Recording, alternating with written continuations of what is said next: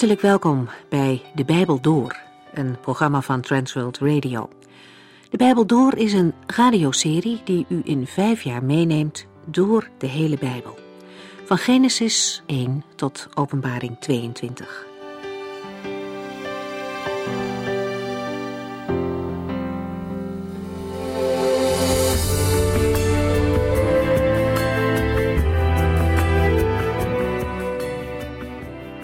In deze serie De Bijbel Door zijn we toe aan Lucas 22. De vorige keer hebben we het vooral gehad over de toekomst van Jeruzalem en over de eindtijd. Het begon in de tempel. Na al die twistgesprekken met de religieuze leiders is het zo langzamerhand duidelijk dat zij gefaald hebben. Het plan van God met zijn volk is niet geworden wat hij ervan verwacht had. De godsdienst is een uiterlijke vertoning geworden. De wetten worden tot in detail uitgeplozen, maar de harten van veel mensen zijn koud. Ineens wijst Jezus zijn discipelen dan op een eenvoudige vrouw. Tussen alle pracht en praal te midden van die huichelarij ziet hij haar. Alles wat deze arme vrouw nog heeft, doet ze in de schatkist van de tempel. En God ziet wat uit liefde aan hem gegeven wordt, ook als het in de ogen van mensen niets voorstelt. Want wij mensen kunnen soms denken dat wat wij doen, dat dat niks betekent, omdat anderen veel meer geven of veel meer doen in het koninkrijk van God. Maar hier zien we dat een kleine gave heel waardevol is voor de Heer. Hij ziet het hart achter de gave. Als Heer van hemel en aarde heeft Hij onze gave niet nodig en is eigenlijk alles wat we geven klein. Maar als Vader God waardeert Hij de inspanning van Zijn kinderen die de moeite nemen om hem iets te geven. Dan legt Jezus aan zijn discipelen uit dat er nog zware tijden zullen komen. Een periode waarin van die rijke en prachtige tempel niets overblijft.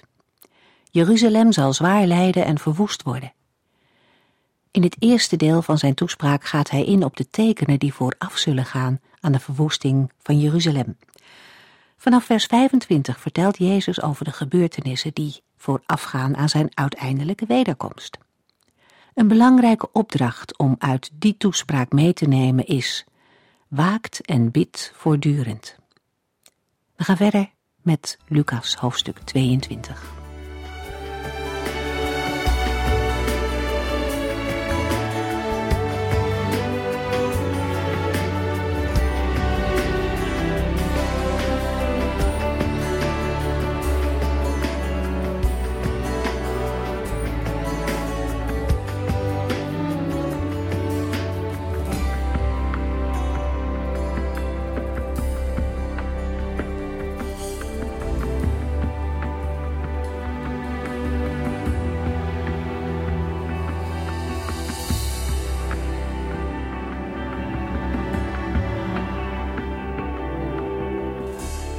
De vorige uitzending sloten we af met Lucas 21, vers 37 en 38.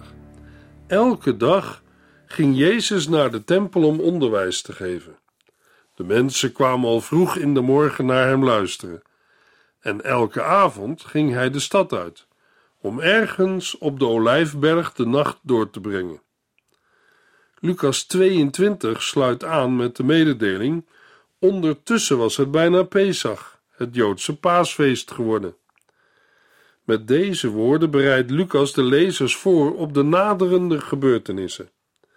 De lijdensgeschiedenis van de Heer Jezus is zo belangrijk dat Lucas er twee lange hoofdstukken aan besteedt. Het is goed om ons te realiseren dat het dan over één dag uit het leven van Jezus gaat.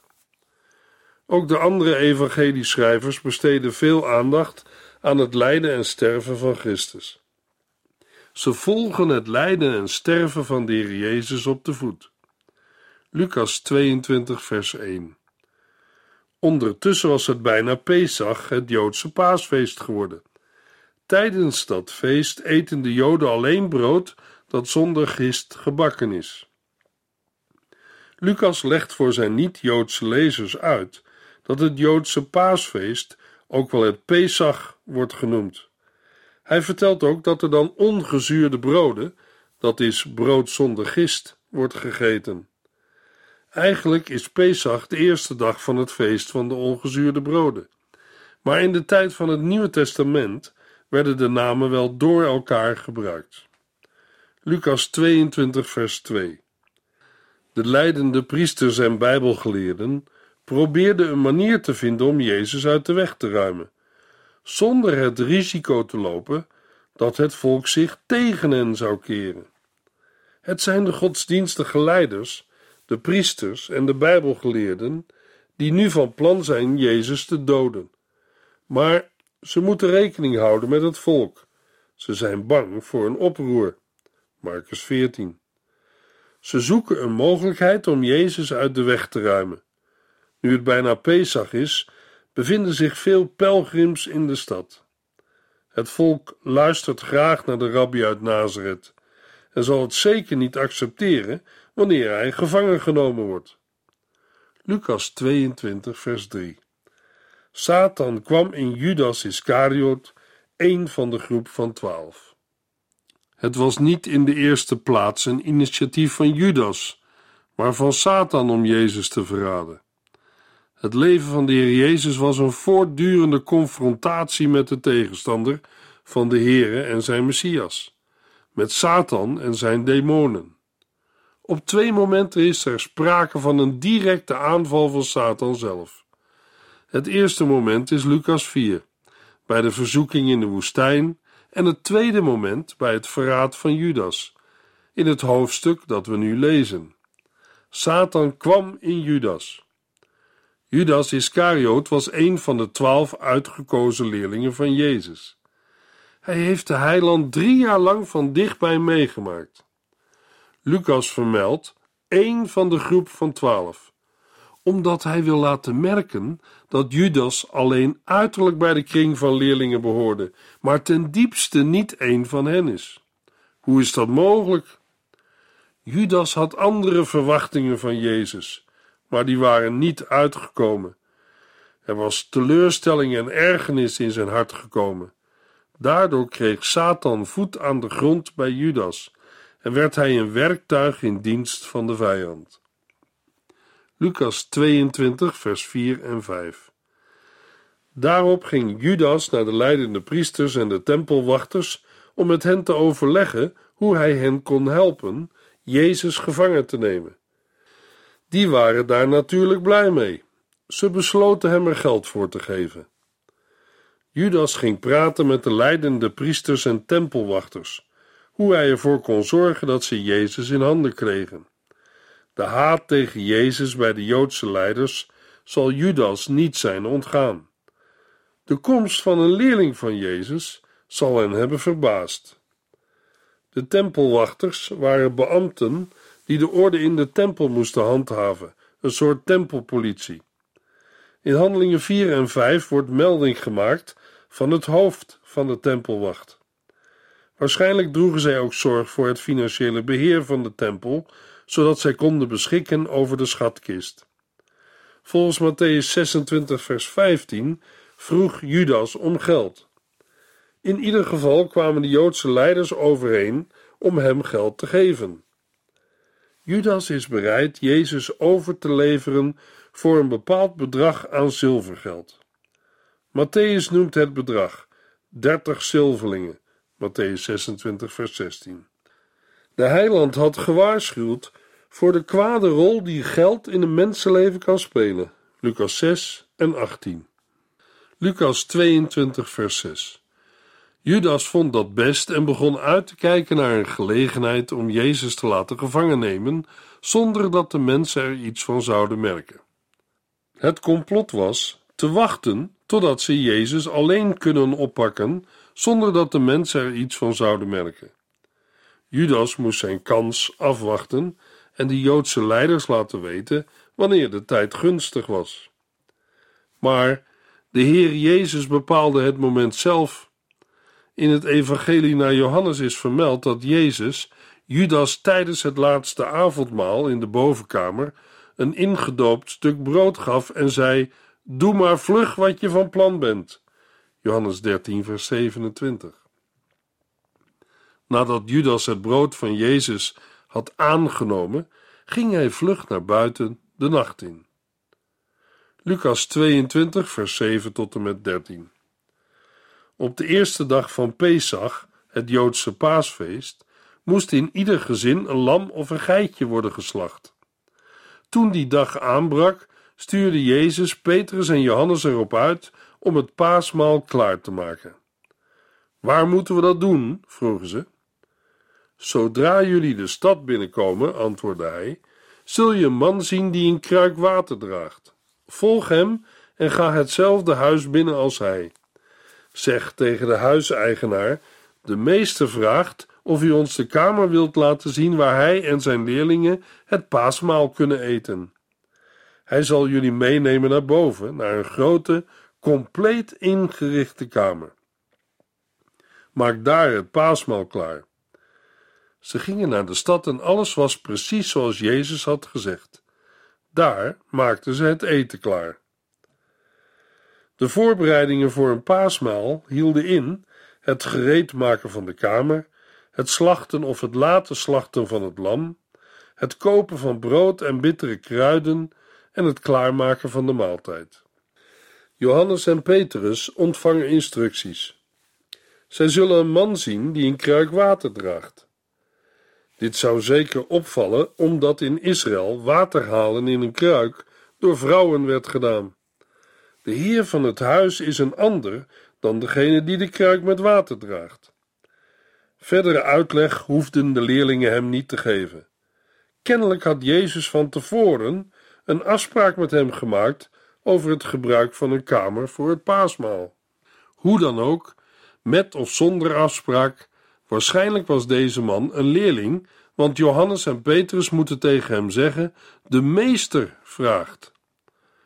Hoe de ontmoeting met de man met de kruik verlopen is en hoe de twee leerlingen het huis gevonden hebben, wordt niet vermeld. Er staat alleen dat ze het zo aantroffen als Jezus het hun had gezegd. Dit bevestigt de profetische uitspraak van de Heer Jezus. Daarna gingen Petrus en Johannes de stad door om de benodigdheden voor de maaltijd te kopen en liepen ze naar de tempel om het paaslam te laten slachten, of zelf te slachten, want dit offer mocht ook door niet-priesters geslacht worden. Lucas 22, vers 14 tot en met 18. S'avonds kwam Jezus met de andere apostelen en ze gingen allemaal aan tafel. Hij zei: Ik heb er geweldig naar verlangd dit paasmaal met jullie te eten. Nog even en dan breekt voor mij een tijd van groot lijden aan. Ik zeg jullie dat ik het paasmaal beslist niet meer zal eten, tot het koninkrijk van God volle werkelijkheid is geworden. Hij nam een beker wijn, dankte God daarvoor en zei tegen zijn leerlingen: Neem deze beker en drink er allemaal uit, want ik zal geen wijn meer drinken tot het koninkrijk van God is gekomen. In de loop van de hele avond zal de Heer Jezus meer gezegd hebben dan we net hebben gelezen. Waar Lucas verslag van doet, is zowel van Jezus' verlangen om dit paasmaal met zijn leerlingen te eten, als van de woorden waarmee hij het avondmaal heeft ingesteld. Niet alleen zal het paasmaal voor de Heer een bemoediging zijn geweest, zoals het dat was voor elke Joodse gelovige, maar de Heere wil vooral de betekenis van zijn dood duidelijk maken aan zijn leerlingen. Nog even, en dan breekt voor mij een tijd van groot lijden aan. Dat wil vooral zeggen, voordat ik sterf. Het gaat met name om zijn lijden in de vorm van sterven. Nadrukkelijk zegt Jezus dat dit de laatste keer is dat hij deze paasmaaltijd eet, totdat deze haar vervulling vindt in het grote bruiloftsmaal dat gevierd wordt in het koninkrijk van God. Lucas 22, vers 19 en 20. Daarna nam hij een brood, dankte God ervoor, brak het in stukken en gaf het zijn leerlingen. Dit is mijn lichaam, dat voor jullie wordt gegeven, zei hij. Eet het ter herinnering aan mij. In vers 19 en 20 hebben we de woorden gelezen waarmee de Heer Jezus een nieuwe betekenis geeft aan de paasmaaltijd en daarmee het avondmaal instelt als een herinnering aan Hem. Met het brood in zijn handen spreekt de heiland eerst een dankgebed uit. Bij de Joodse paasmaaltijd stemmen de tafelgenoten met de dankzegging in door amen te zeggen. Daarna werd het ongezuurde brood gebroken. De brokken moeten doorgegeven worden aan de verder weg zittende tafelgenoten.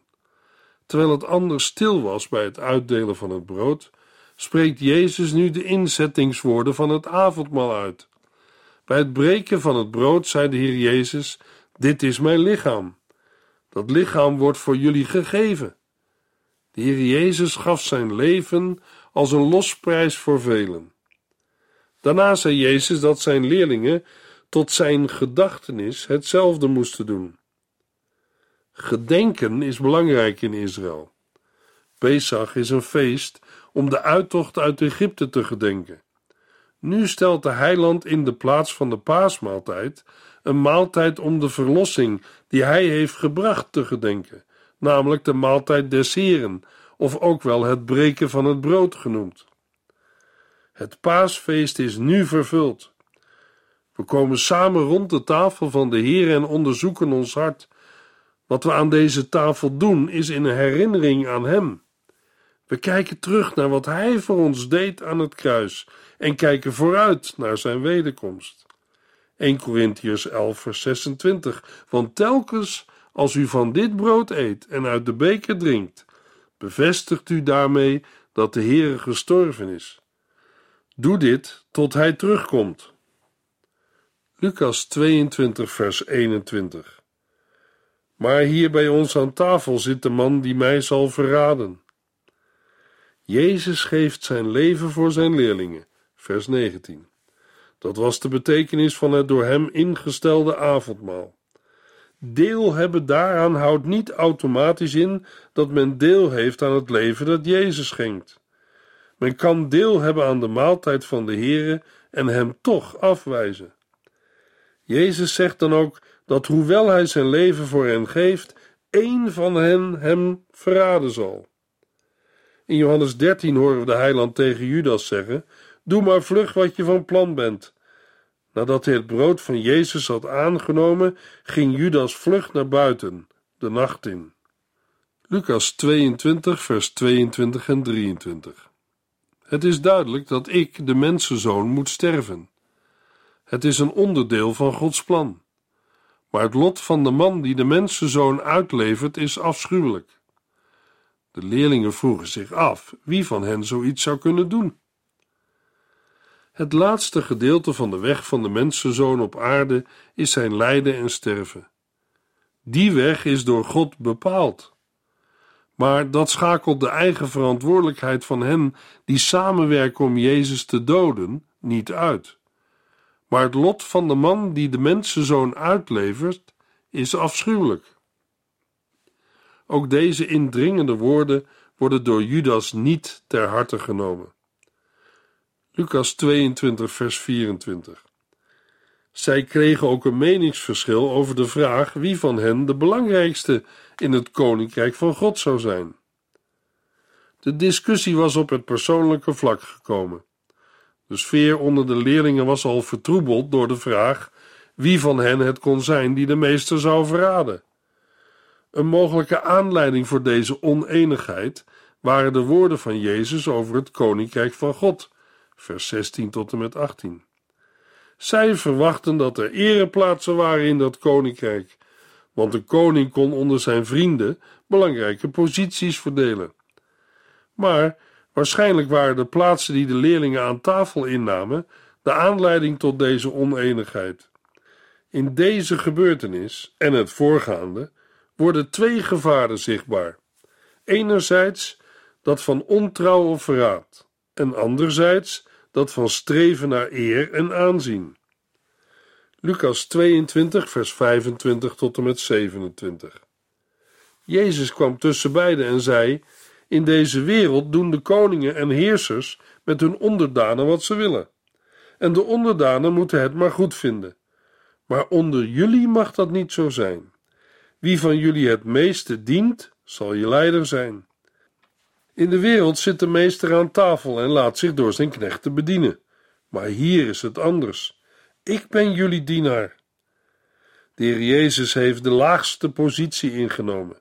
Hij is de onderste weg gegaan naar het kruis. Dat deed hij voor zijn leerlingen, maar ook voor u, jou en mij. Lucas 22, vers 28 tot en met 30. Jullie zijn mij in deze vreselijke moeilijke dagen altijd trouw gebleven. Daarom zullen jullie mogen eten en drinken aan mijn tafel in het koninkrijk dat mijn vader mij heeft gegeven. Jullie zullen op tronen zitten om recht te spreken over de twaalf stammen van Israël. Het is niet zo dat de leerlingen hun meester hebben bijgestaan in zijn verzoekingen. Ze zijn alleen bij hem gebleven. Maar die aanwezigheid wordt door de Heer Jezus nu hoog gewaardeerd.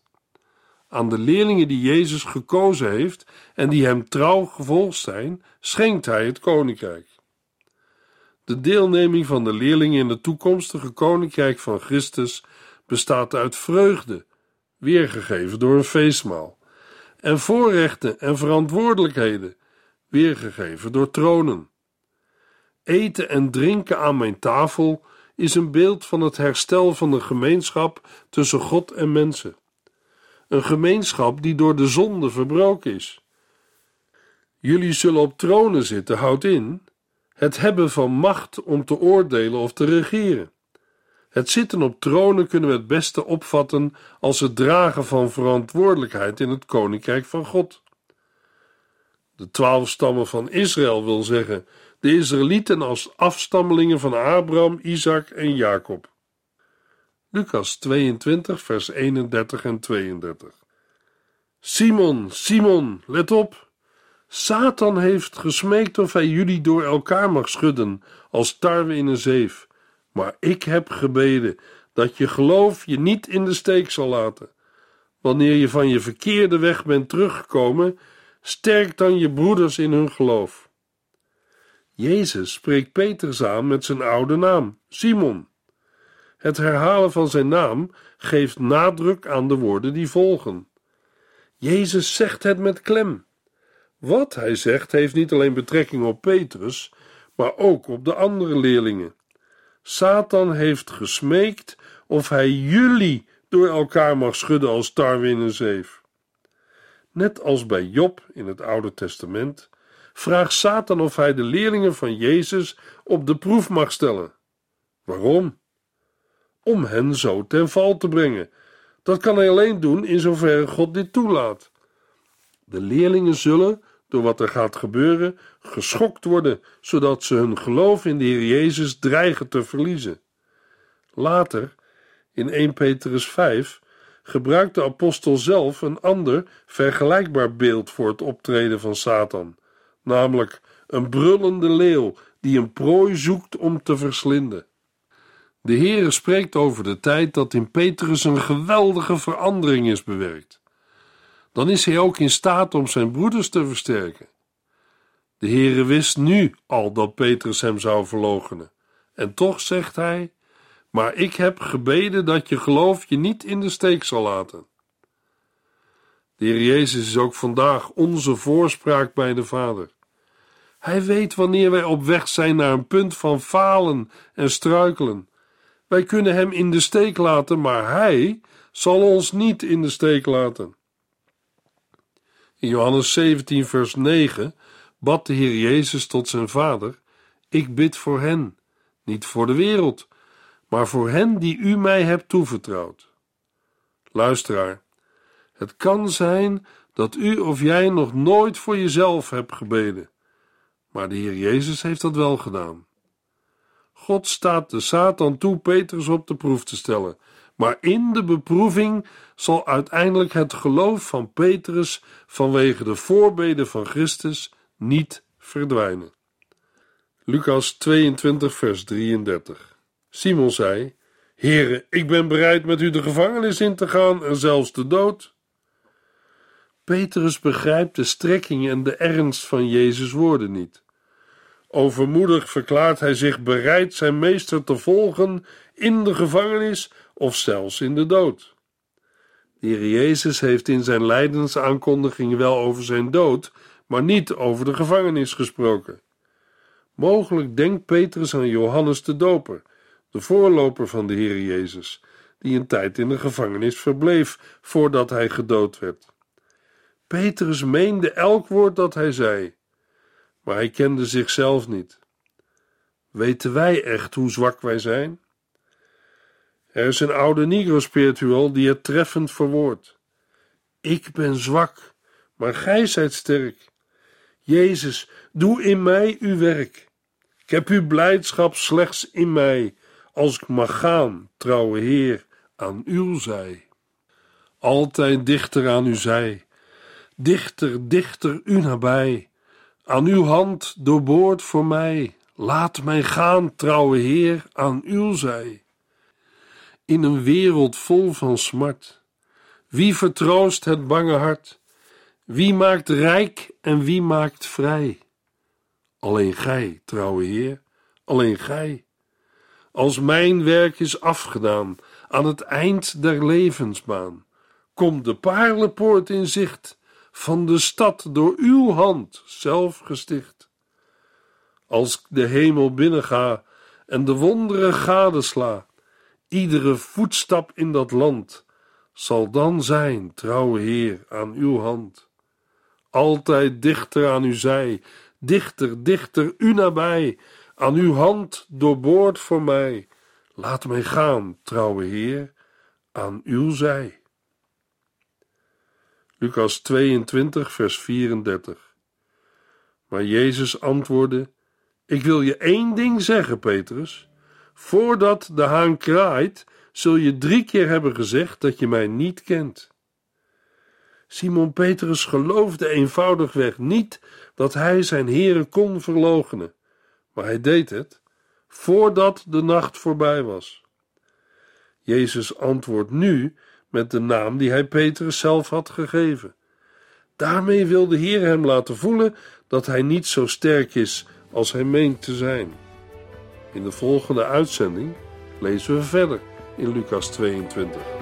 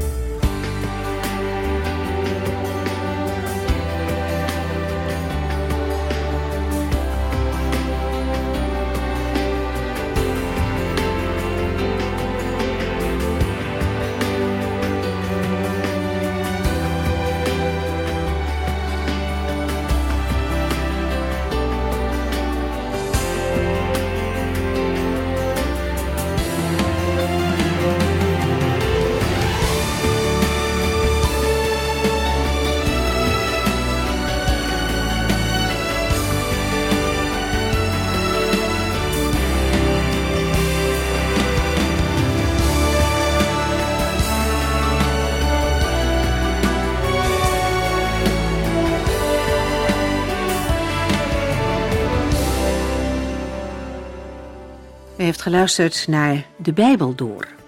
In het Nederlands vertaald en bewerkt door Transworld Radio. Een programma waarin we in vijf jaar tijd de hele Bijbel doorgaan.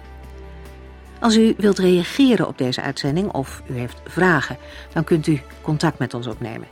Tijdens kantooruren kunt u bellen op 0342 47 8432. 0342 47 8432. 32. Ook kunt u een e-mail sturen naar de Bijbel transworldradio.nl en natuurlijk kunt u ook via de post ons bereiken. TWR, postbus 371, postcode 3770, AJ in Barneveld. Dit programma werd gepresenteerd door Cor Weda en Ike André. Techniek was in handen van Odin van Woerdekom. En wij allemaal bedanken u voor het luisteren. Graag tot de volgende keer.